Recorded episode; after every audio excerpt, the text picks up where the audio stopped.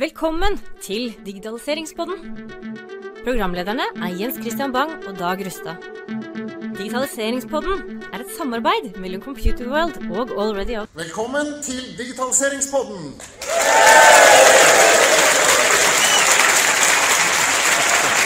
Dagens sending er i sin helhet tatt opp på ITS-forum, Intelligente transportsystemer.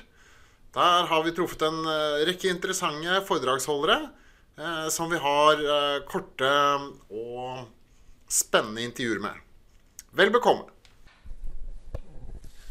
Ja, da har vi et eh, veldig spennende intervjuobjekt. Det er eh, Jon Georg Dale.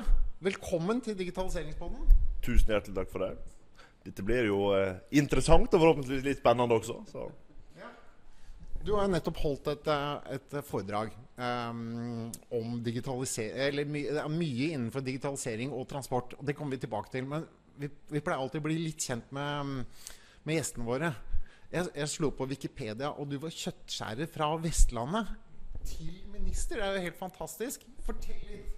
Ja, nei, eh, Jeg er jo det. Altså, jeg kommer fra et småbruk på Vestlandet. Eh, jobber i næringsmiddelindustrien som eh, kjøttskjærer. Og ja, holdt på med politikk siden jeg kom inn i kommunestyret som eh, 19-åring.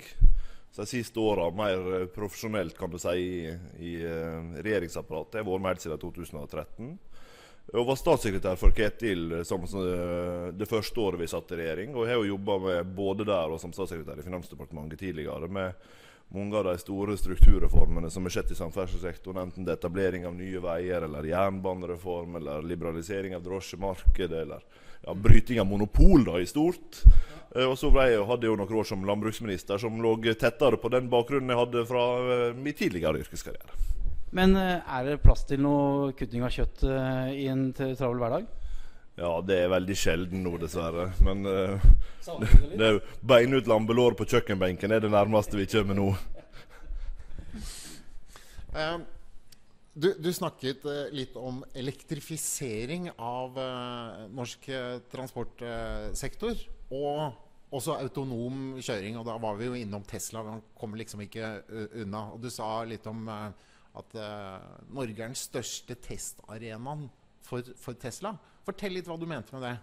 Men det er jo ingen tvil om at hvis du ser på elbilpolitikken i Norge, eh, så har han virka utrolig godt. Folk velger elbil eh, rett og slett Noen fordi det er miljøvennlig, andre fordi det er lønnsomt. Eh, Og for, på grunn av de endringene vi har gjort, så er det jo, er det jo ingen tvil om at, at hvis du ser på hvordan Tesla f.eks. selger biler, så er Norge deres største testarena. Vi har flest elbiler, vi har flest Tesla.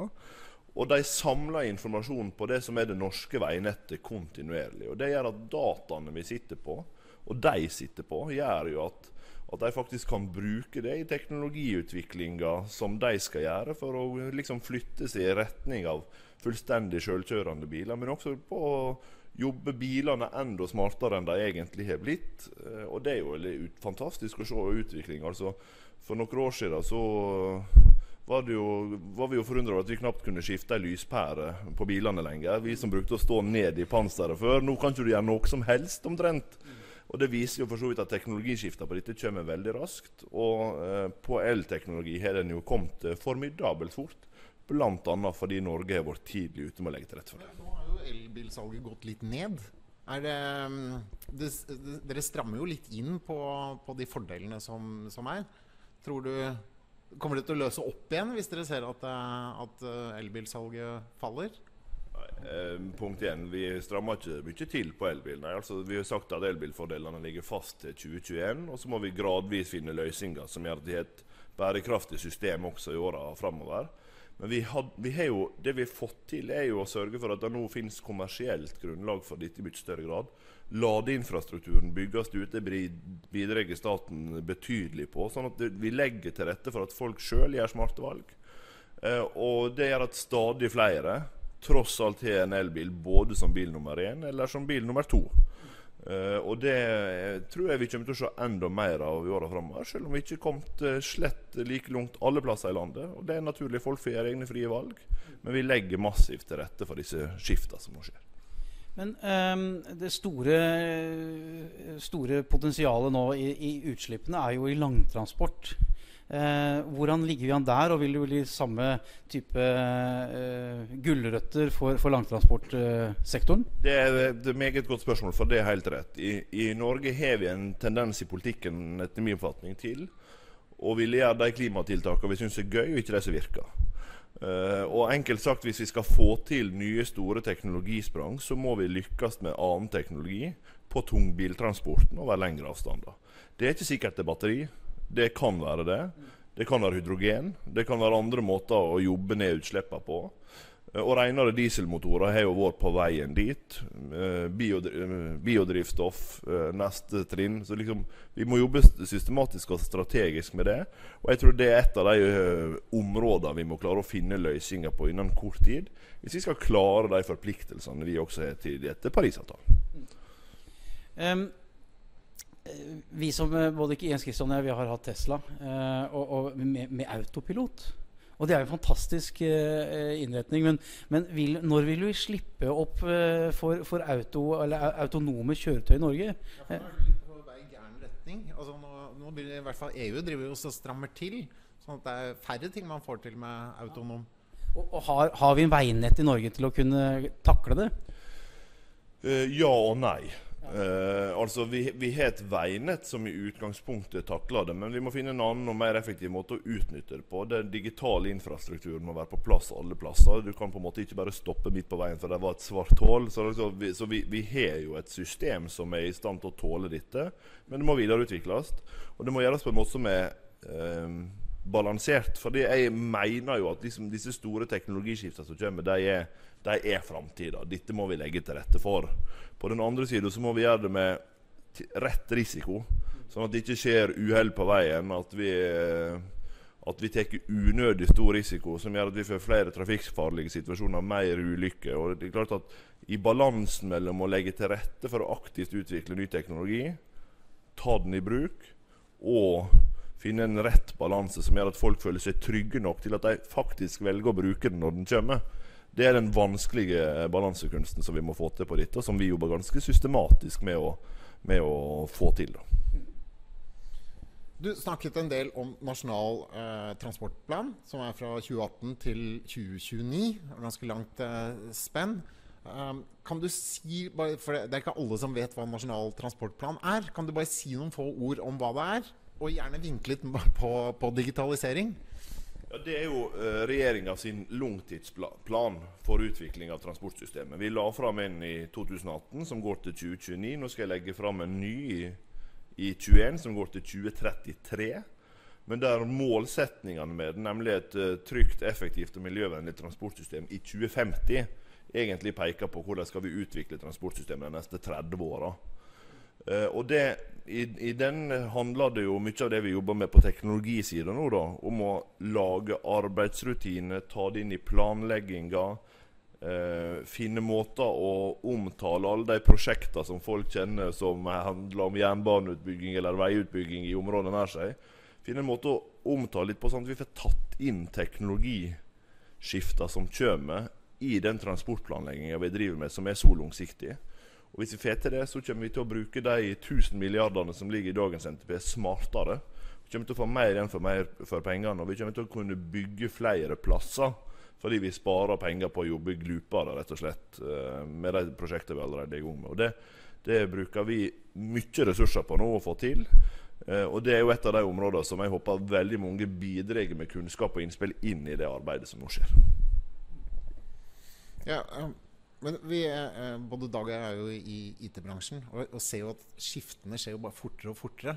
Hvordan kan man ha en plan frem til 2029 eller 2030 eller eh, 2050 når vi ser så mye omveltninger og skal vi si, radikale endringer da, i, um, i teknologien og hva som blir mulig? Ja, Det er et strålende spørsmål, og svaret på det, det skal jeg forhåpentligvis levere i 2021.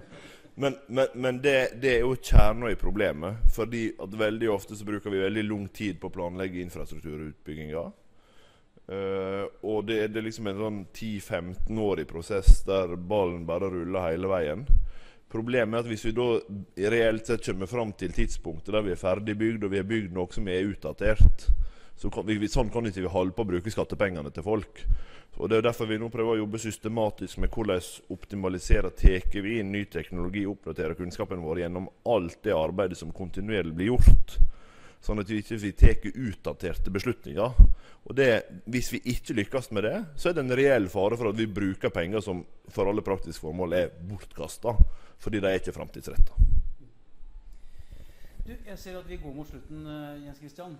Uh, siste spørsmål? Siste spørsmål? Ja, det må bli uh, det, når, når, vi snakker om de tradisjonelle måtene å, å, å reise på, type jernbane og, og vei um, hva med sånn nye måter, sånn som hyperloop f.eks., med sånne rør som du bygger, og som antagelig er mye billigere å bygge både en, en, en, en vei og, og, jernbane. Tenker dere på sånne ting?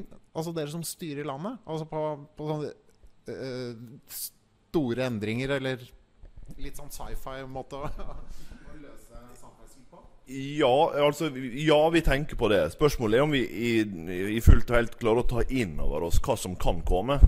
Og om politikken er raskt nok ute med å skjønne trender og lignende. Og det, det er ikke jeg alltid sikker på. Det er derfor vi jobber ganske bredt med disse tingene. Egne, eget utvalg på teknologi, f.eks. Liksom ser hva er det som kommer. Uh, egne, eget arbeid gjennom NTP-prosessen, som vi allerede har vært innom, for å liksom fange opp ja, Nasjonal transportplan. For å liksom fange opp uh, fange opp alt uh, dette. Og så uh, tror jeg jo, hvis vi stikker fingeren i jorda, at det som uh, egentlig har ramma oss alle på mange tidspunkt, er at vi ikke har skjønt hva slags teknologi som kommer, og hvor fort den faktisk kommer. Og Det, det tror jeg ikke bare politikken som ofte har hengt etterpå. Det har uh, store deler av offentlig sektor gjort, og egentlig også store deler av privat sektor.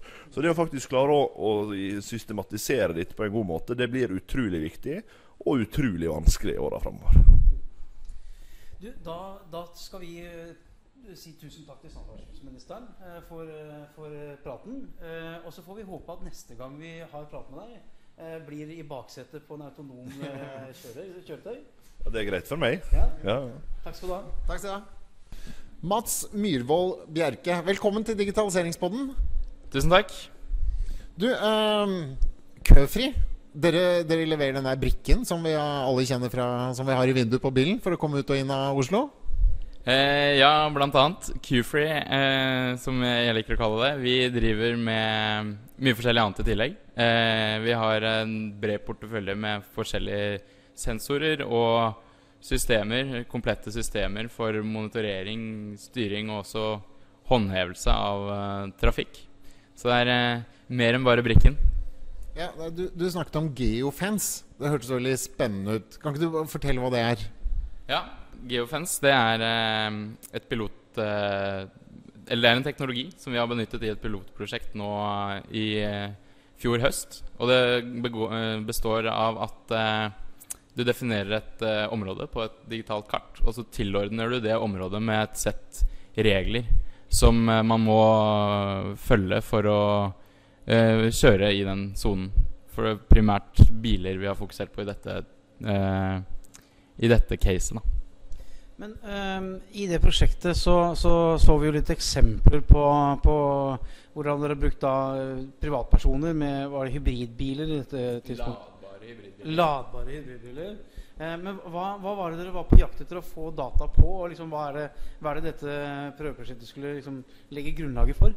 Eh, det er på en måte litt ulike scope, men eh, eh, til eh, forskningsbiten, kan du si, så ønsket vi å analysere og se på om folk endret atferd gjennom å få mer eh, informasjon inn i bilen.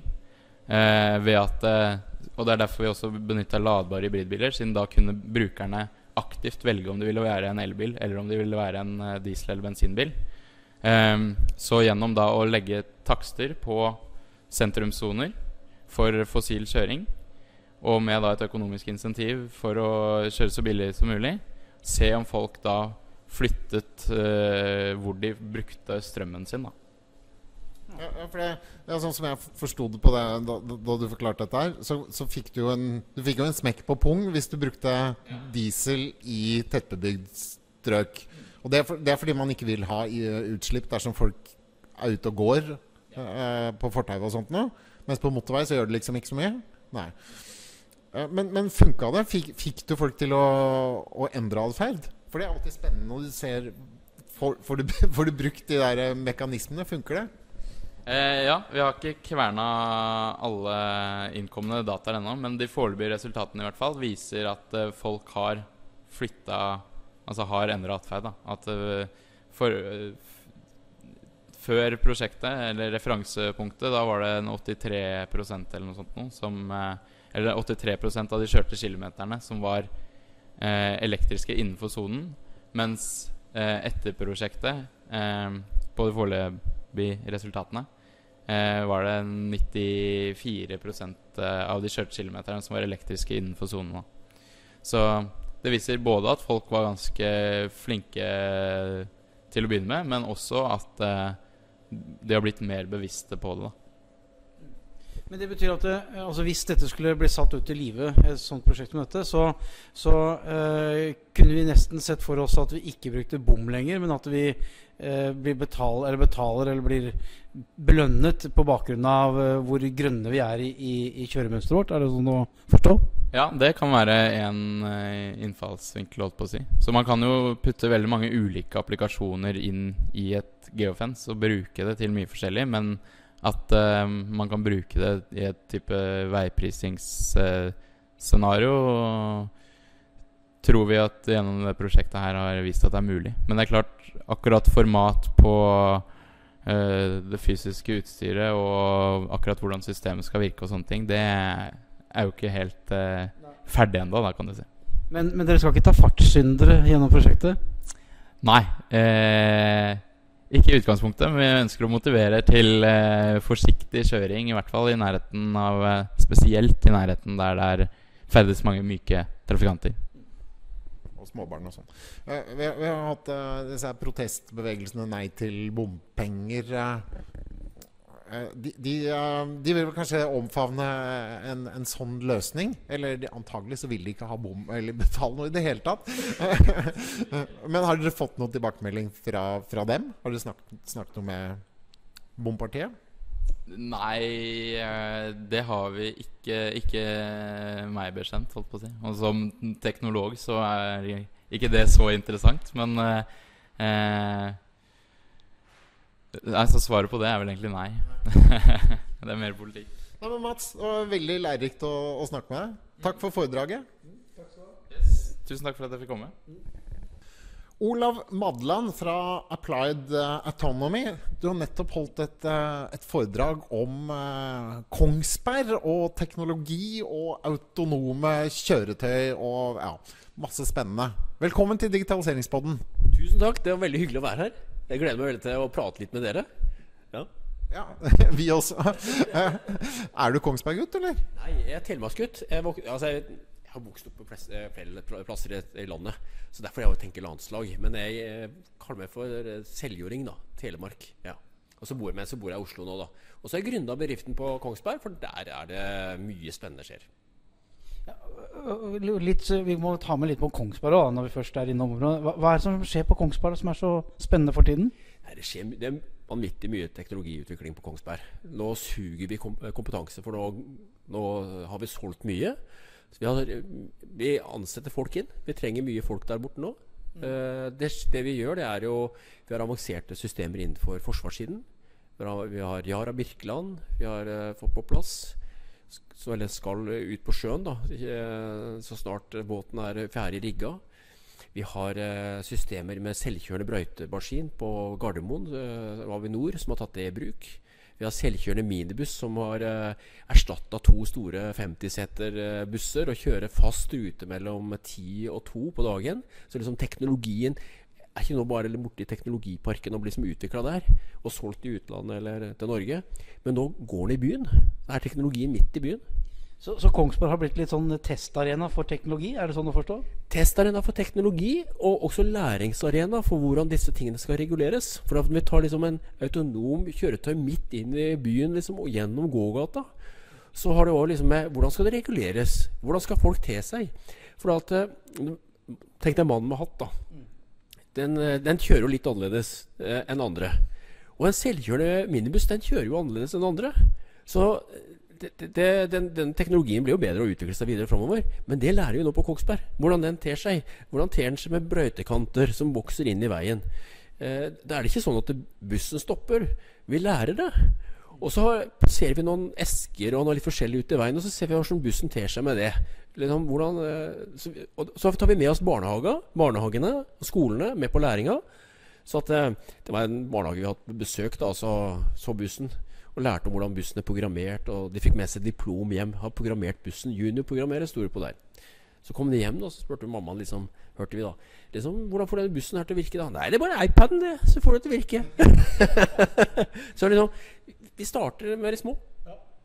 Men uh, dere, dere, fortalte jo nå at dere skal ha uh, teste ut noe med vertsløse busser. Altså Dvs. Si at det ikke er folk i bussen i det hele tatt som har noe, som har noe ansvar. Uh, men i dag så har du jo busser som som, som går frem til Oslo eller Fornebu har vel en, tror jeg. Og, så, og, og, flere andre steder. Kan sikkert du si litt om. Men åssen funker det, den der eh, førerløse? Går man bare inn og setter seg? Er den verdt det? Hva gjør verten altså i dag? Og hvordan blir det?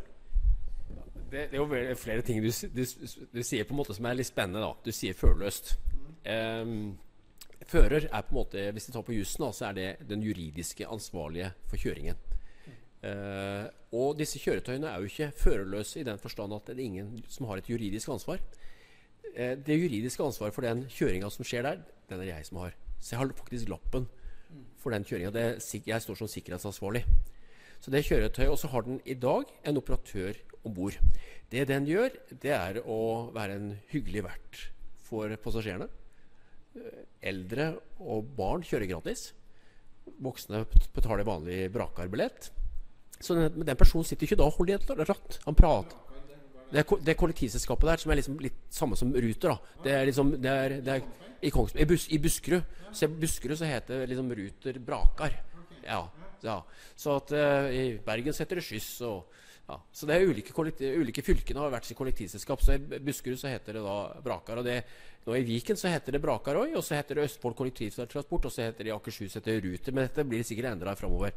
Men liksom, så de, betaler vanlig billett til de voksne. Og så Pensjonistene da, de, de syns det er veldig hyggelig å kjøre den bussen. Så det er barn og pensjonister som bruker best, bussen mest. Går i, nå går den i 18, og så skal det komme en ny buss der med sikkerhetsbelter. Og da kan hastigheten øke. Så at eh, Nei, det må vi se på myndighetene tillater. For her er det myndighetene òg inne i bildet. Det er de som gir hastighet, fartsgrensa, da. Så Vegvesenet som legger de reguleringene, eller er det politisk? Veidirektoratet. Veidirektoratet, og det, De bestemmer det. Og de ser jo da på en risikovurdering. Risiko for at noen skal skli av setet, eller noen skal stumpe borti en annen. og litt sånn. Så det er Hastigheten er jo satt ut fra risiko. Den risikoen du tenker på da, med selvkjørende, du er redd for at den skal gå bananas og kjøre inn i en vegg eller krasje på noen fotgjengere eller noe sånt noe? Ja, du kan si at uh, den er best på disse kjøretøyene, det er å stoppe. Det, det, det, har ikke skjedd én ting. Og bussen på Fornebu som gikk der i sommeren 2018, det går ikke lenger nå, da, det gikk i sommeren 2018, den ble det noen som skrev at den stoppa for gresstrå som hadde vokst opp i veien. Så at det, er jo de er jo kjempetrygge i forhold til sikkerhet. Den verten som er om bord, den har en, i dag en, en nødknapp undervei eh, inni kjøretøyet. Så at eh, hvis at eh, kjøretøyet av en eller annen grunn ikke gjør det den skulle gjøre, så kan den trykke på den prosedyren. Så det, i dag så er den nødknappen og den uh, operatøren siste ledd i en måte det vi kaller te, uh, på det juridiske språket det safety chain. Så at uh, operatøren og den knappen har en funksjon i det. Så operatøren, når han er bussen, i bussen nå, så har han en rolle mot passasjerene å ivareta de. Og så har han ivareta på en måte fremdriften for kjøretøyet. For det, det jo, hender jo ofte at et kjøretøy er parkert i veien. det er hindringer underveis. Og det ville være dumt liksom, at vi skulle sende ut en person fra et kontrollsenter eller fra en butikk liksom, som da skulle på en måte navigere det kjøretøyet rundt hver gang. Falken skulle ut og redde den hver gang. Så det vi for, At den stopper opp pga. et eller annet? Det er litt avhengig av nå på vinterstid, hvor eh, på en måte ligger en brøytekant med litt høy ut i veien, da, som, eh, som da sensoren ser på som en sik sikkerhetsrisiko da stopper den. For den blir ikke utålmodig etter eh, fem minutter at eh, nå, skal, nå må vi gjøre noe. Her er sikkerheten først. Så hvis det er noen som har satt fra seg barnevogn i, i veien der, så kan du ikke kjøre på den. Så det, det er sikkerheten først. Men da er det vertens oppgave å, å, å holde stemningen på inne med barn og pensjonistene. Nei, da, da, kjører da selvfølgelig så vurderer jo da verten risikoen, og så tar man, kjører manuelt rundt den eh, parkerte bilen. Eller, ta, eller eh, Han har faktisk med seg snøskuffe, så hvis det ligger en stor snøkoppe der, så bare tar han den vekk om Så, vinteren. så, så du har altså manuelle kjøremuligheter i bussen, ikke bare nødknappen? Helt riktig. Så han har en manuell styrefunksjon. Da slår han over en bryter fra automatisk kjøring til manuell kjøring, og så kjører han rundt den, og så slår den over på automatisk igjen, så fortsetter den på den samme ruta som han er programmert for å kjøre. Han kjører. Alle skjønner jo at vi, er jo, vi søker jo etter den der eh, helt uten vert også. Det er jo liksom dit vi vil, er det ikke det? Jo, det er der, dit vi vil. Og det er jo eh, vi hadde, hadde vi visst om iPhone i 1993, når vi liksom fikk den store kjøttbeinet i hånda på GSM, sant? hadde vi visst om iPhone, så hadde vi jo sagt det er den vi vil ha. Og Vi ante jo ikke at det kom til å bli sånn SMS når vi så GSM i 1933. Hva skulle vi bruke det til? Sa vi jo den gangen. Sant? Når da liksom det ble gratis å bruke SMS, så tok jo det av. Og dette kommer til å løse seg på selvkjørende kjøretøy òg. Men vi må utvikle det. Og da må vi utvikle det i testarena i byen. For da får vi lagt på plass regulering. Vi får lagt på plass Hva skal skje med parkeringsplassene? Trenger vi ha de? Hvordan skal vi utnytte det arealet bedre? Skal det bli grøntområder? Skal det bli et hus til? Disse tankene må da politikerne begynne å se. Arealplanleggerne. Det beste er å gjøre det i byen. For da kommer alle spørsmåla. Og så kan man begynne å tenke og begynne å tegne. Og så kan man begynne å snakke med teknologileverandørene og si at sånn og sånn vil vi ha det for at det skal bli bra. Men når, da, altså denne, når denne bussen stopper uh, pga. denne isklumpen eller hva nå skal være i, i, i veien, uh, vil de, den hendelsen bli meldt inn, uh, slik at man på et eller annet ja, hos dere da kan sitte og, og evaluere og, og lage nye algoritmer på hvordan den skal oppføre seg når den opp, kommer til lignende situasjoner senere? Kjempebra spørsmål. Det, det, vi, har dokumenterer alt vi gjør. Så det blir registrert, og så dokumenterer vi det i forhold til teknologien. Men vi dokumenterer òg i forhold til eh, entreprenørene og Statens vegvesen. For den isklumpen der, hvis den ligger da på en bussholdeplass For der, når du går av på bussen noen steder, så jo, går det jo rett ut i snøfonn. Ja. Så at den snøfonnen er ikke bare en hindring for den selvkjørende bussen, men en hindring for vanlige kollektivreisende òg. Så de vaser ut i den snøfonna, Og da dokumenterer vi det ned, slik at det kan bli bedre både for selvkjørende busser, men også vanlig kollektivtransport. Ja, for Da kan du sende melding til brøytemannskapene, og så drar de dit de trengs, og ikke bare kjører generelt rundt på brøyter. Ja, de kan lære å lage nye planer, de kan dele den kunnskapen. Og det vi gjør i Testarena Kongsberg, der har vi med samarbeid fra entreprenør, by, bydrift, Kongsberg kommune, Statens vegvesen, Nye Veier òg med i samarbeidet. Så vi dokumenterer slik at ikke bare teknologien forbedres, men helheten. For i dag så, vi, sier jo ikke fra når vi kjører bil, liksom, når vi vaser da ut i det snøfonna. Hvem skal vi gi beskjed til? Vi aner jo ikke. Vi vil ikke være plagsomme heller. Så at, eh, her, er det, her er ordentlig dokumentasjon fra det hele. Og så har vi følgeprosjekter. Sintef, Jernbanedirektoratet, eh, TØI er med i sånn følgeforskning. Så at de ser hvordan eh, vi jobber, og ser hvor ofte er det at gående stopper for det der kjøretøyet. Hvor ofte stopper kjøretøyet for gående. Alt blir veldig strukturert dokumentert læring. Men litt av det der tekniske, bare sånn for å forstå hvordan et selvkjørende eh, fartøy funker. Eh, jeg går ut fra at det er noen kameraer, det er noen sensorer, det er noen radarer og noe greier. Og så er de koblet til en, en hjerne eller til en CPU. Og så er det noe software på den. Er det, er, det, er det alt? Er det sånn det funker? Og hvem har laget det? Ehm, da, får jeg liksom først ta liksom, eh, hvordan selvkjørende kjøretøy er bygd opp. Da. Det er, eh, og det er definert fra null til fem. Liksom, kjøretøy som er på liksom, klassifisert som nivå null, de har ingen sensorer. De har ingen førerassistanse. Eh, opp til nivå tre så sier vi at det er førerassistansesystemer. På nivå to Teslaen er på nivå to. De kjøretøyene vi har eh, på Kongsberg, de er på nivå fire. Eh, så, de, så en- Tesla eh, den har jo kameraer. Den leser, og så ser han de der stripene. Og så kjører han etter de. Så når stripene forsvinner, så sier han å ta over. Og så når det kommer inn en rundkjøring, så sier Tesla å ta over. Eh, Ja, ja, jeg har prøvd. Jeg syns det ja, Så bare pløyer den igjennom. Men eh, rett rundkjøring hørtes litt spesielt ut. Du skal rett frem i rundkjøringen. Så jeg sitter med, med hendene sånn halvveis på. Da. Ja. Jeg vil kalle det for førerassistanse. Ja. Så er det, skal jeg si at De selvkjørende bussene her, da, de, har, de kjører på ei, ei skjult trikkelinje.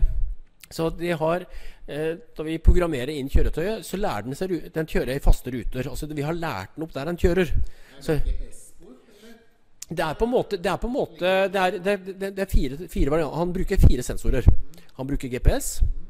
Det vet vi jo hvordan det fungerer. Og så bruker han skrittelling, eller hjultelling. Så han, så han teller hvor mange eh, runder det går. Ja. Og, så, og så ser han på det som går på, på en måte gravitasjon, hvordan han legger seg i svinger og sånt. Så han kombinerer skrittelling med litt sånn derre høyre-venstre-sving. så Liksom, hvordan han lener seg, på en måte. Nei, nei, nei, liksom gravitasjon der. Skrittelling i kombinasjon med den. Og så bruker han um, noe som heter LiDAR. Og LiDAR det er en, en eh, det, er ikke en det er ikke videokamera, men det er en, det er en ser overflate på bygg. Den ser, over, den ser det- søppelbøtter. Den, den ser på en måte kontur. Den, den, ser ikke, den skiller ikke på Det er ikke bilder, men det, det, er, eh, det som er flaggermussyn, kan du si. Så den, det blir lest inn som et 3D-kart. Så han, har liksom, han legger den på. Og så ja, På sett og vis. Ja, du får på en måte egg... Ja, på, på, ja bortsett, fra at dette her er en type laserstråle som da er lagvis oppover. Så blir, du kan ha lidare med mange lag og få lag. De bild... Ja. Og så er det, på de så er det noe som heter sirkulær, eh, lidar som sirkulerer, og så de som heter som ser fast. Så det, og så har den, så har den eh, radar. Det, er som, radar vet vi hva er. Og da sender ut pulser, og så får han signal tilbake. Og så får den også nå video. Eh, altså Da er det dybdevideo som ser liksom 3D. Og, ja, og dette kaller jeg for sanseinntrykk. Dette er som oss, det er sanseinntrykk. Og de sanseinntrykkene blir lagt oppå hverandre. Og der kommer computeren inn. Så han legger de oppå hverandre. Og så når vi kjører inn ruta, så lærer han den streken han skal kjøre på. Så han lærer at her, er, her skal jeg kjøre. Så han kjører nøyaktig på samme posisjon hver eneste gang. Men, men ikke noe form for uh, tredjeparts uh, eh, sensorer, sånn som eh, signalanlegg på toget. eller noe. Det er ikke noe som er lagt satt opp langs ruta? Ingenting. Ingenting. Nei, det, du kan si at det blir så dyrt. Så det, det, er mye bedre hvis man kan på en måte få det kjøretøyet til å en få en oppdatert kart, da, eller få en hendelse foran seg. Så at uh, få informasjon fra andre kjøretøy. Den, man kan selvfølgelig tenke at det har vært fint å ha noen sånne der brikker bortover som man kunne følge. da. Og det er noen, det, er noen kjøretøy som har sånne brikker. Eh, blant annet, jeg vet et kjøretøy som, eh, som bort, brukes bort i London. Det bruker, der bruker det sånne brikker i bakken. Men det blir veldig statisk. Hvis du da bestemmer deg for det at Sånn som nå vi vi- nå I høst ble ruta forandra for at de skulle pusse opp en, noe som heter Klokkebakken. En lang bakke oppover. Skulle få ny brostein og skulle få ny sånn mur langs kirka der.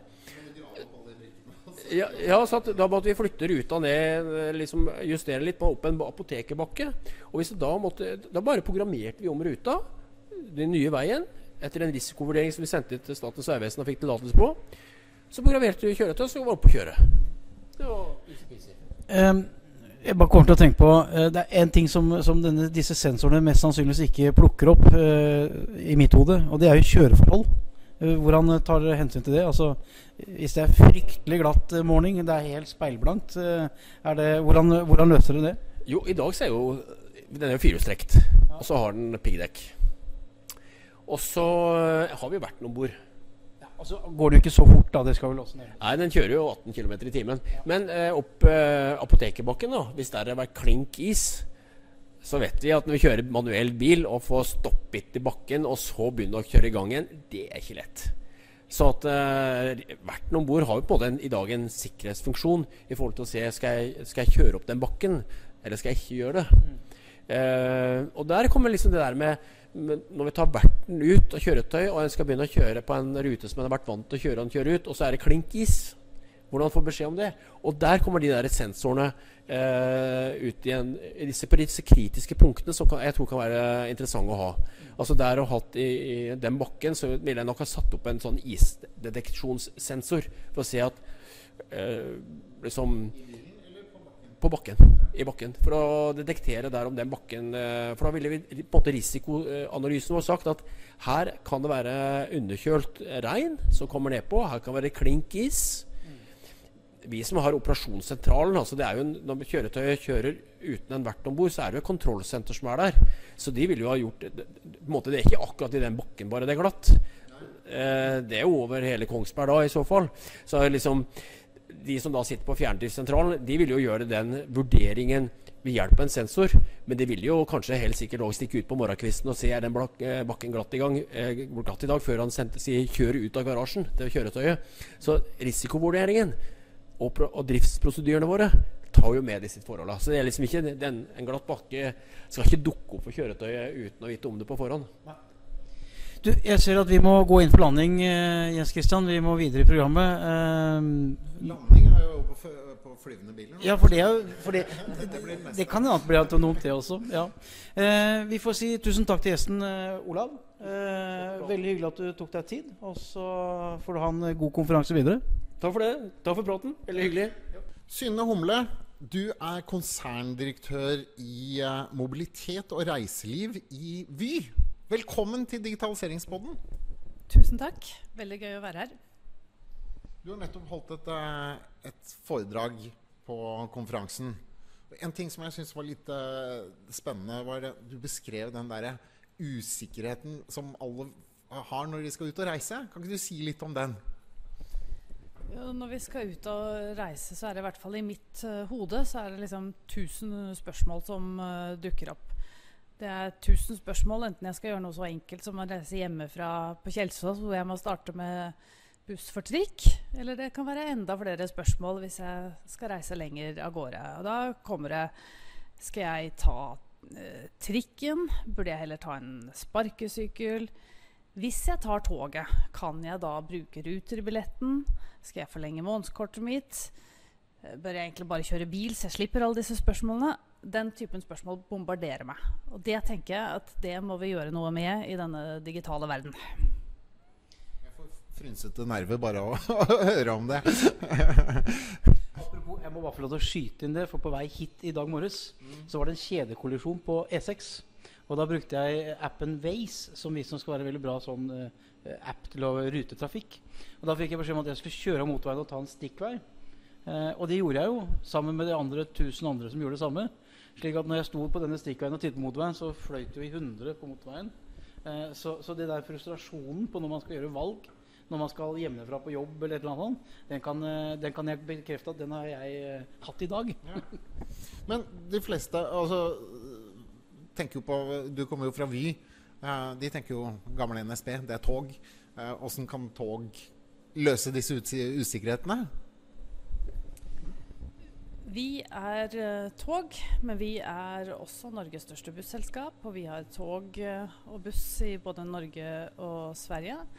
Og så har vi nye dør-til-dør-tjenester som jeg gjerne forteller mer om. Hva, hva, er dør-til-dør-tjenester? Vi tar én ting om gangen her, da. Og så har vi en stor satsing på den digitale utviklingen. Og det som jeg tenker at vi skal hjelpe folk med, for å slippe å bli bombardert med alle disse spørsmålene i hodet det er å jobbe oss uh, sammen mot en framtid hvor det er lett å få, plan, få, oversikt over alle de fantastiske kollektivtjenestene og mobilitetstjenestene som fins. Hvor det er lett å kjøpe disse tjenestene ett sted, og hvor du også uh, kan få den informasjonen du trenger underveis på reisen, med oppdatert informasjon ett sted. Og det jobber vi jo nå for at Vy-appen uh, skal bli. Så det er Vy-appen som, som, er liksom hovedproduktet i, i, i, kundeopplevelsen? Kundeopplevelsen består av veldig mange forskjellige både produkter og informasjonstjenester som aller best samles i appen. Så for å liksom få oversikt over alt det totale vi har å by på, så er det appen eh, vi anbefaler. Og hvor det nå skjer eh, nesten ukentlige nyheter, og hvor det kommer til i lang tid framover å skje veldig mye nytt. Men denne uh, dør-til-dør-tjenesten, hva, hva, hva, hva, innebærer den? altså Utover bare det å kjøre tog og, og buss, hvilke andre komponenter er med i den uh, satsingen? Ja, nå er det jo ikke bare å kjøre tog eller buss. Det er både Eh, kan være en togtur til Bergen, en flott reiseopplevelse, eller en busstur til eh, Kristiansand med dobbeltdekkerbuss, en flott opplevelse. Eh, men det er jo også sånn da, at når du da kommer fram på denne togstasjonen i Bergen, eller denne bussholdeplassen i Kristiansand, så er det jo ikke alltid sånn at tanten som du skal besøke, bor i nabobygget til stasjonen eller holdeplassen. Du skal jo hele veien helt frem. Uh, og hvis da du ikke skjønner hvordan kommer jeg meg videre fra den stasjonen i Kristiansand og helt fram til tante Inga, da blir det jo lettere å sette seg i bilen. Så vi jobber med ulike typer tilleggstjenester uh, som kan komme inn i appen vår. Enten ved at vi samarbeider med andre som har kjempegode produkter, eller ved at vi lager dem uh, selv. F.eks. sparkesykkel kan være et fint område å lage en uh, pilot med kanskje et uh, norsk gründermiljø som kan komme opp med noe vi ikke har. Og så er det store utviklinger på dør-til-dør-tjenester inn i kollektivtransporten, hvor vi, vi, vi, kanskje jobber tyngre inn selv, men sammen med andre innovasjonsmiljøer som kan mer enn oss selv. Det gjelder på selvkjørende buss uh, f.eks. Uh, hvor Applied Autonomy i Kongsberg er et fremragende miljø. Der har vi kjøpt en eierpost, og så jobber vi sammen med Applied Autonomy. Uh, da har de en super kompetanse på selvkjørende. Uh, vi har erfaring så mange år som Norges største busselskap. Vi kan det å kjøre busser trygt fram. Vi kan å utvikle og ta vare på kjøretøy. Og sammen kan vi jo virkelig få det til bussene som, eh, som eh, de kjører i Kongsberg, de blir jo etter hvert sånn kanskje at du kan plukke det opp hjemme. Ikke sant? Også, altså, også for de er så små at de kan kjøre innom der som det passer kunden, og ikke bare følge en rute. Da får du jo dør til dør, og så tar du langstrekke på, med tog f.eks. Nettopp. Det er et kjempegodt poeng. Og da blir jo plutselig kollektivtransporten individuell transport, ikke sant? som tar vare på de individuelle behovene dine og mine, og, og, kan like godt løse det du trenger uh, som, som, bilen. Og så uh, var det veldig bra stikkord du hadde med de fleksible on demand-løsningene.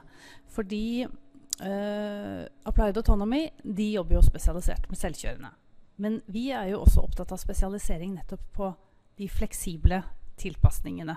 Som kan kobles sammen på sikt med selvkjørende. og da så vi oss ut et selskap i Kristiansand som heter Go Mobile. Der tok vi først en eh, mindre eierpost. Eh, og så har vi nå i høst kjøpt hele det selskapet. de har planleggingsløsninger på taxi med taxiappen Mivai, som vi nå integrerer framover i Vy-appen. men de har også et produkt de har jobbet fram som heter Flex som er fleksible bussløsninger. Det produktet er ikke perfekt i det hele tatt nå, men det er et godt startsted, og vi kommer til å satse på å utvikle det videre. Så f.eks. det produktet er i bruk og testes flere uh, steder nå, men f.eks. har vi da nå sammen med Vestfold kollektivtrafikk uh, en løsning fra Go Mobile med, med to on demand-busser, sånn 16-seters minibusser, som henter deg og tar deg dit du skal. Det kan passe i byer. Tilsvarende test kommer også f.eks. på Sjusjøen for ski. Ja. Men hvor on demand er det? Kjører de inn i boligfelt og henter folk der, eller, eller uh, må du liksom på et stoppested i nærheten? Her uh, velger man forskjellige løsninger i forskjellige uh, områder. det er fullt mulig å lage dem sånn at de henter deg på døra hjemme og kjører deg helt fram. Og ofte så vil jo vi ha en samarbeidspartner, kanskje et kollektivselskap eller om det er Visit Sjusjøen eller andre typer samarbeidspartnere som er med å definere hvor langt fleksibiliteten skal gå, ut fra hvor mye man legger inn i det, og hvor mange man skulle, skal kunne, kunne, hjelpe. Og så må vi jo virkelig optimalisere disse verktøyene, sånn at uh, de hele tiden da klarer å treffe den riktige ruta for å plukke opp uh, folk og sette sammen, så de kommer seg effektivt dit de skal. Men, men um, sånn jeg hører du liksom legger det fram av fremtiden Trenger jeg bil? Altså Kan jeg egentlig bare ha logistikk som en tjeneste levert av, av Vy? Ja, det kan du. Og vi har jo begynt på å posisjonere oss uh, mot det ved at vi i, her i Oslo har laget tjenesten Din bybil. Da laster du ned appen Din bybil. da får du tilgang til 250 elektriske biler i Oslo. Og så kan du da finne nærmeste bil i appen, låse den opp med appen, betale seks kroner eh, minuttet. Eh, og da har du en bil uten å ha en bil i garasjen. I hvert fall relativt sett så vil jeg si at det er mye for pengene. ja. Men um, disse, disse, initiativene da, som, som, vi har satt i gang med, med bil og, og, og hva, Har dere sett noe på hva, hva, slags reduksjoner i utslipp og sånt dette her kan bidra med? Uh, ja, vi har uh, tall på beregnet uh, reduksjon bare ved at det er elektriske uh, biler. Mm. Men det som også er spennende, er jo altså, Og for Vy, når vi går inn i dette, så er jo dette fordi konkurrenten vår er privatbilen. Vi vil at summen av tjenester, hvor du aller mest kjører kollektivtrafikk, men også har tilleggstjenester, skal gjøre at privatbilen er mindre nødvendig for deg. Og da måler jo vi veldig hvordan er bruken av disse bybilene i praksis. Oppnår vi det vi skal med at folk kjører mindre, ikke mer, og at det er samspill med kollektivtrafikken. Uh, og det ser vi i bruksmønsteret så langt at det er det. Men vi har jo også gjort brukerundersøkelser og spurt brukerne har dette ledet til at du har solgt bilen. Og når vi skalerer opp tall fra brukerundersøkelsen, så tilsier den at det er 1200 i Oslo som har solgt uh, bilen sin. Og Hvis vi da trekker fra de 250 bilene som vi selv har tatt eh, inn i Oslo, så ser vi at det er 950 biler mindre i Oslo. Så er jo dette nå en liten ordning som er i gang, men det viser jo potensialet i hvis vi virkelig får dette til å funke. Veldig spennende. Ja, det, og det, det, er jo sånn det, det, har jo sikkert litt med aldersgrupper og, og, sånn å gjøre. Sånn som Dag og jeg, vi kommer jo aldri til å selge bilen, for vi er så gamle og satte. men, men, men, det er gøy å se at, at at folk endrer handlingsmønstrene sine da, for å, å, å, og kan leve uten bil, når du tidligere har, har, har, gjort det. Men for at dette skal funke, så er det jo også et kapasitetsspørsmål. Eh, og i hvert fall gamle NSB eller eh, jernbanen har jo slitt litt med å greie, også, særlig rushtid, altså å skaffe nok eh, jernbanevogner. Løses det nå snart? Vi, det er i hvert fall utrolig viktig eh, hvis vi skal få til at det skal være enkelt å reise kollektivt og miljøvennlig framover, og ikke bil, så må vi ha en skikkelig satsing på tog og, og buss. For det er bare det som virkelig liksom, tar unna mye uh, menneskemengder i, i rushtrafikken.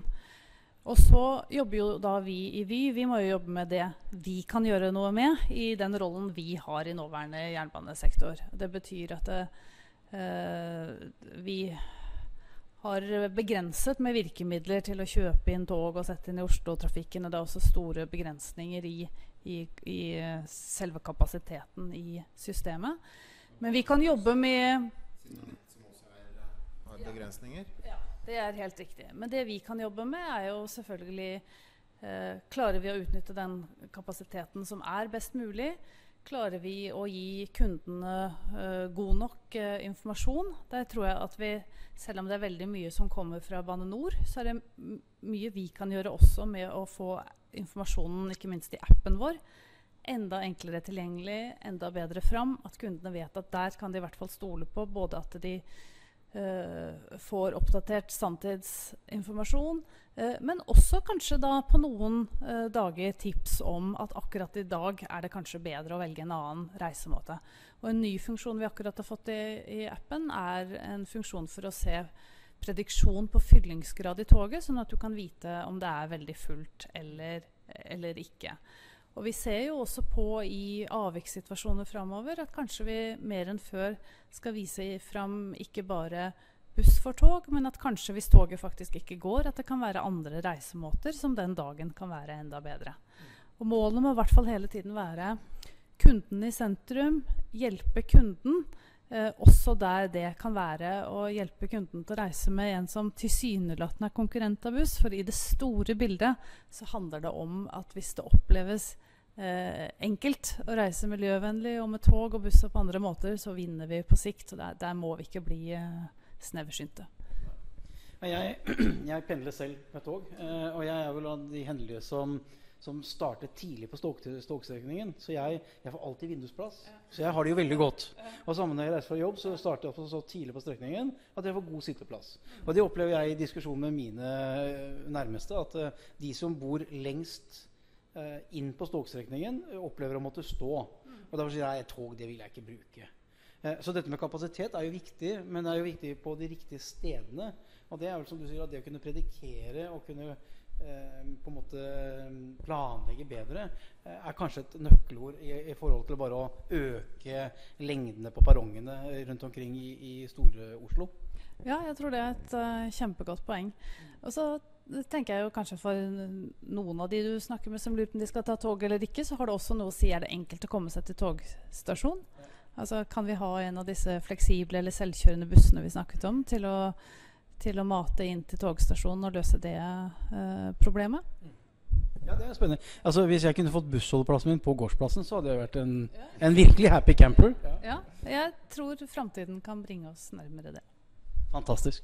Jeg tror det får bli uh, siste ord sagt uh, i uh, denne samtalen. jeg jeg syns jo det er, er gøy å høre at um, at dere greier å sette sammen produktet og gjøre det så mye mer behagelig. Så, så, dette gleder jeg meg til å følge med på. Ja. Så lykke til videre, og tusen takk. Gøy å være her. Takk for meg. Christian Amli fra Bouvet i Bergen. Du er rådgiver og jobber med big data, åpne data og mobilitet. Mobilitet har de sagt ganske mange ganger i, i dag.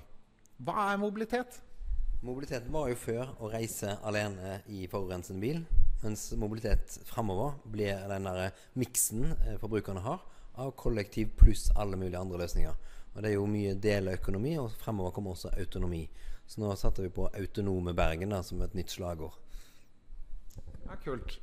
Men, men så ja, mobilitet betydde ikke det når man reiste buss i gamle dager? Eller um, er det bare det at det, det, er bedre kommer til å bli bedre fremover? Ja, det blir en transformasjon. Det blir noe annet, men mye av komponentene er jo det samme. Sånn som Columbus sa, så sier han at det er old school pluss. Du gjør det samme. Det er gjerne kollektiv som er stamnettet. Men så må du komplettere det for å gjøre det enda mer attraktivt for nye grupper og nye linjer. Og Bergen kommune har da klart å få midler sammen med mobilitetsselskapet Skyss i i eh, Vestland til å drive et mobilitetslaboratorium. Er det litt samme som, som Ruter i, Oslo, eller? Ja, Skyss er det samme som Ruter. Og da har de fått midler samlet til å teste ut alle disse nye mobilitetsløsningene ignorant fra Oslo. Men jeg visste bare ikke hvor det Da er vant med det. Men det er ikke så rart, for vi hadde en fra, fra Kongsberg her i tidligere, og der var det Brakar. Ja. Så, så, så vi, dere får bare ha oss unnskyld. Brakar er veldig kule. De har gjort så mye bra som vi kan kopiere. Ja, men, ja, for det skjer mye på Kongsberg. har vi forstått. Veldig mye. Så vi må snart ut og prøve buss på, på, på, på Kongsberg. Ja. Og samkjøring kan du prøve der samtidig. Men, det må vi også. Velkommen. Um, men en av de tingene som, som, Jens Christian og jeg har diskutert litt i pausene, og liksom når vi har hatt litt uh, ledig tid, det er jo det uh, for å si liksom på en måte Stamnett er jo, uh, er jo det offentlige kommunikasjonsnettet. men det at jeg kunne nå bare solgt bilen min og, og hatt transport as a service Eh, med én leverandør, én faktura, eh, på tvers av alt. Eh, et eksempel Jeg trengte ikke bilen til å kjøre til denne kongressen i dag, men fordi at jeg må fort av gårde etterpå, så har jeg med meg bilen. den fleksibiliteten har jeg ikke når jeg har egen bil. er det det dere jobber mot i Bergen? Absolutt. Og det er det som er enten det er én aktør som er et sluttcase, eller flere, så jobber vi jo i en sånn konvergenstrakt. Og nå ser vi det at det dukker opp en hel haug med nye aktører. Og de smelter sammen eller kjøper hverandre og jobber med nye sammenstillinger. Sånn at akkurat den opplevelsen du snakker om, skal skje. da så jeg har solgt bilen min for fire år siden. Og kjøpt en bitte liten elbil for 14 år siden. Så jeg har da levd denne her virkeligheten. Le lever og ånder delt mobilitet. Og det er jo gledelig å se at de som jeg snakket med for ti år siden som entusiasmer, er nå med i store selskaper som driver med dette.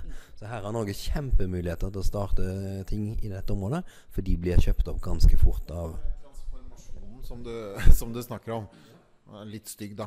Når er den ferdig, den der transformasjonen? For det er jo ikke sånn nå. Hva var det de sa? Vi ønsket oss flygende biler, så fikk vi Twitter uh, i stedet for. Men uh, når er det ferdig? Det går ikke an å si, da. Uber har lovt uh, flygende biler innen 2023. Men det skal si at Arngren, Fridtjof Arngren drev med dette på 1990-tallet. Ja, ja, ja, ja, ja. Men, men en av de tingene som du tok opp i, i, i uh, presentasjonen din, det er jo det at for å kunne muliggjøre dette, dette nirvana-bildet som jeg ønsker meg, så må det skje noe på datasiden. Nøkkelen til å uh, få til dette er å bygge ned de siloene som er mellom aktørene. Og Der er det Bouvet jobber i dag for Bergen kommune og jobber med data, et datasjøprosjekt. Og Da bygger vi ned silo mellom de forskjellige byrådsavdelingene, sånn at dataene ses i sammenheng. Og Da får man en kjempegevinst på det. Og veldig mye av det som skjer innen mobilitet nå, det er helt parallelt med det, det som jobber med innen digital transformasjon. Så vi er jo et digitalt firma, og nå gjelder det mer og mer innen mobilitet. Så store data, åpne data, det er nøkkelen til å få til smart mobilitet. Og Det gjelder både for aktørene, men også for brukerne. At de kan sammenligne og eh, gjøre en semløs reise. Deler i innen mobilitet? Hva slags data som deles? Eh, eksempler på det er jo f.eks. Eh, Bergen Bysykkel, som har vært veldig flinke og aktive med å dele data. De deler data med hvor sykkelen er, hvor mye kapasitet som finnes, og de kan også se på eh, bruk eh, per tidsenhet. Sånn at eh, enhver bruker da kan se i appen sin når du kommer med kollektivtransport. Finnes det sykler ledige der hvor bussen min stopper? Åpne API-er, så hvem som helst kan koble seg på det? Bare skriv 'åpne data Bergen Bysykkel', så finner du siden hvor uh, alle dataene ligger klar. Med lisens og tilgangspunkt uh, og det du trenger. Men, eh, og ikke for å liksom sette ting opp mot hverandre, men jeg vet at Entur eh, har jo også en lignende app hvor du kan sette inn 'jeg vil fra A til B', og så får du noen eh, alternativer. Du kan ta sparkesykkel dit og bussen fra der og dit osv. Men, men allikevel så må du betale til hver aktør. Eh, eh, i, men i Bergen så skal vi bli enda bedre. Der skal de gå mot én faktura, eller hvordan eh? Vi ser, vi ser ikke ennå helt hvordan bildet blir. Men det vi gjør, er at vi sørger for at alle de stegene som leder opp til dette, eh, fylles. Med en gang vi da kommer dit, ser vi hva som blir resultatet. Om det blir både søke etter tjeneste og få betalt for tjeneste. Det gjøres jo eh, mange piloter nå om akkurat dette. Og MUST er da et rammeverk for å gjøre slike piloter. Men om vi skal satse på akkurat det med betaling, det er ikke så viktig. Du, eh, Det blir spennende å se eh, om Bergen eh, For dere liker jo å være først. Ja, eh, så det blir spennende ja, Men det blir spennende å se om dere vinner kappløpet. For eh, jeg er villig til å flytte til Bergen hvis, hvis, er, hvis dere er så gode. Eh, for dette her er faktisk interessant for oss sluttbrukere. Så lykke til med videre arbeid. Takk og takk for at du tok deg tid til å prate med oss. Takk for nå. Kristin Slottsvik, direktør i Jernbanedirektoratet og Ingrid Dahl Hovland, um, veidirektør Statens uh, vegvesen. Velkommen til Digitaliseringspodden. Veldig hyggelig å ha dere her. Dere har nettopp hatt en, um, en paneldebatt på, på scenen på, på, konferansen her i dag. Jeg bare tenkte jeg skulle begynne med et, et spørsmål. For det, det, har jo vært mye snakk om, um, om digitalisering. Um, hvilke digitaliseringsendringer er det som foregår, uh, hvis jeg starter med, med Statens vegvesen? Ja, er, for oss er det jo der vi kan øke tjenesteleveransen ut til brukeren, ut til veibrukeren. Og da er det jo i forhold til fremkommelighet og trafikksikkerhet.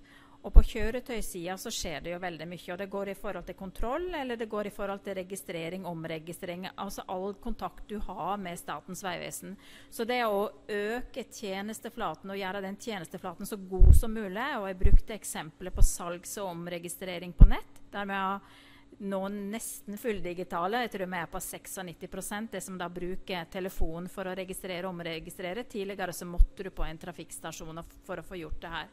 Bare inn med bank-ID, og så Ja.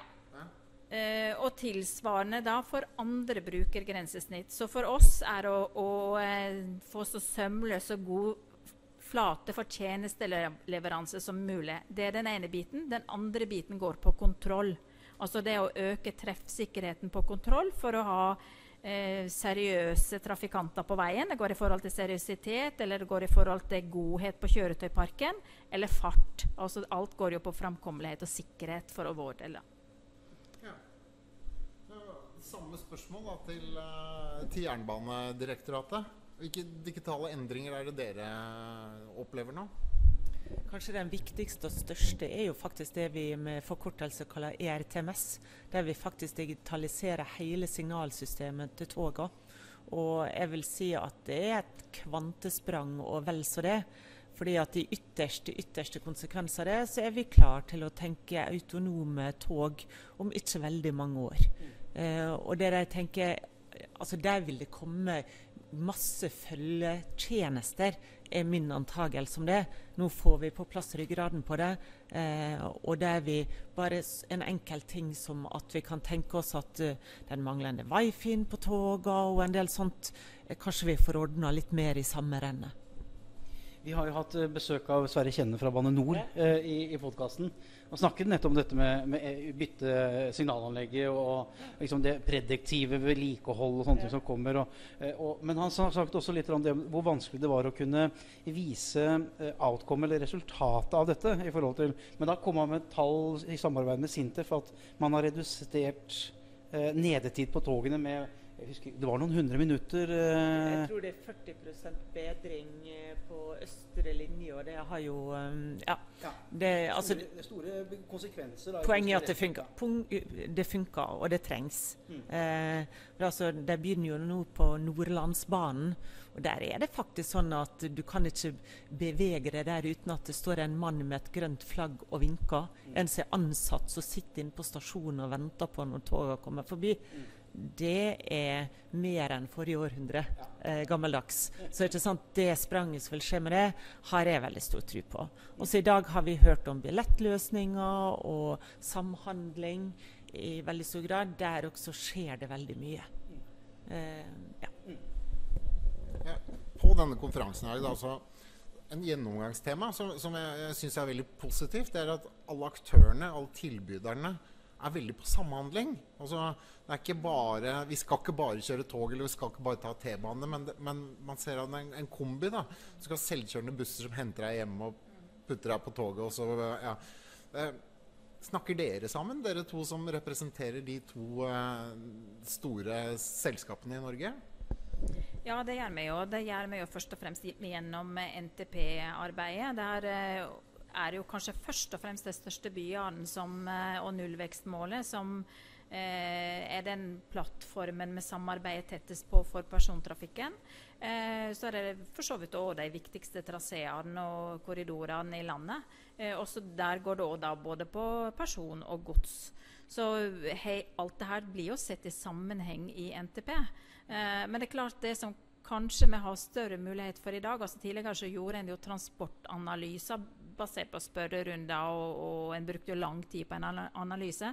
Med dagens teknologi så ser jeg jo for meg at vi kan, og sensorikk ikke minst, eh, måling på blåtann osv., så, videre, så kan vi i større grad få mer data, dynamiske data raskere, og dermed utvikle transportsystemet integrert raskere. Og da var vi jo innom det som jeg sa tidligere i dag, med litt kortere sprinter for å teste ut. Dette her foregår jo veldig mye i by. Så Statens vegvesen har jo et samarbeid med Ruter og eh, Oslo kommune her i byen på å teste ulike koblingsløsninger opp mot sykkel, sykkelparkering, bil, bane. Altså det som er veldig interessant, og i mikroskala. Ja. Du, du sier sprinter, og det kjenner vi jo fra agile prosjekter. Vi holdt på med det i On også. Eh, Og da vi jo sprinter som bare varer eh, to eller tre eller fire uker. Og som er veldig sånn Altså du, du er smidig, dvs. Si at man, man kan bestemme veldig på veldig kort tid. Det passer jo liksom ikke inn i den skal vi si, den der eh, statlige og, ikke, ikke statlig fordi det er statlig, men fordi vei er noe som tar lang tid å bygge. Ja, nå, nå tror jeg, jeg tror jeg må nesten bruke Kjersti, Kirsti sin eh, terminologi her. at det, vi har beveget oss litt lenger enn det du gir. det blir litt sånn forrige eh, århundre, må jeg nesten si. Fordi at eh, i eh, offentlig sektor eh, så jobber en jo mer på den måten i dag. Men det er litt avhengig av hvilken plattform du er på, og, og hva du skal utvikle. Så i, eh, jeg var så vidt innom det med digital eh, løsning på nett for eh, registrering, salgsmelding omregistrering. Der har han jo jobba veldig mye på den måten. Og jeg tenker også i forhold til det å jobbe mer på tvers, for det er det du må med digitale løsninger. Du må forstå brukerbehovet. Skal du levere en tjeneste ut, så må du jobbe mye mer i korte sprint. Altså det å kjøre store Eh, digitaliseringsprogram eh, som en jo, og IT-programmer som en har mange skrekkeksempel på i staten og offentlig forvaltning, som koster eh, hundrevis av millioner, og mange gikk jo heller ikke så bra. så er dette her eh, en enklere måte å gjøre på, og en kan høste mer verdi underveis. Derfor gjerne det sånn. Um, du nevnte litt rann, uh, under uh, samtalen på scenen uh, dette med at altså NTP, altså Nasjonal transportplan, eh, legges jo gjerne for mange år fremover. og Vi snakket litt med samferdselsministeren eh, tidlig i, i dag også. Eh, hvor, hvordan er det å, å legge en tiårsplan eh, i dag med den teknologien som går så fort? Eh, altså det, det, det, det samspillet mellom eh, teknologisk utvikling og det langsiktige arbeidet. Hvordan skaper det utfordringer for dere? Altså, det er jo en utfordring, men samtidig så tenker jeg at det at Nasjonal transportplan blir både revidert, du har årlige budsjetter Jeg tror kanskje ofte de årlige budsjettene er større utfordringer i forhold til å faktisk kunne ta noen av disse litt større grepene. Eh, og det er ikke alltid at det statlige finansieringssystemet er lagt opp til agile prosesser. For der må du gjerne være veldig tydelig på hvor du skal hen for å få pengene. Men jeg tror det der er ting i endring. Eh, men det å evne å faktisk kunne snu på ting, eh, og kunne greie å, å, beskrive det på en slik måte at du får med deg endringene inn. eh, Både i prioriteringene som skal gjøres, i prosjekter, men ikke minst i forhold til alle disse programområdene, som vi kaller det. Der egentlig teknologien da skal eh, brukes til å gi eh, kundene våre eh, annen service, rett og slett. Nå eh, Da tror jeg vi- ønsker å spørre om til slutt, Jens Kristian? eller skal vi si oss fornøyd med dagens konferanse? Ja, jeg syns vi har fått veldig gode svar, så jeg sier tusen takk for tiden dere tok. Takk skal du ha. Takk for at du hørte på Digitaliseringspodden, levert av Computerworld og Already On. Vil du lære mer om digitalisering, eller planlegger digitalisering i din bedrift? Last ned digitaliseringsguiden fra alreadyon.com slash digitalisering. I løpet av 15 minutter kan du sette deg inn i de viktigste uttrykkene innen digitalisering, og ta de første skrittene i din digitalisering.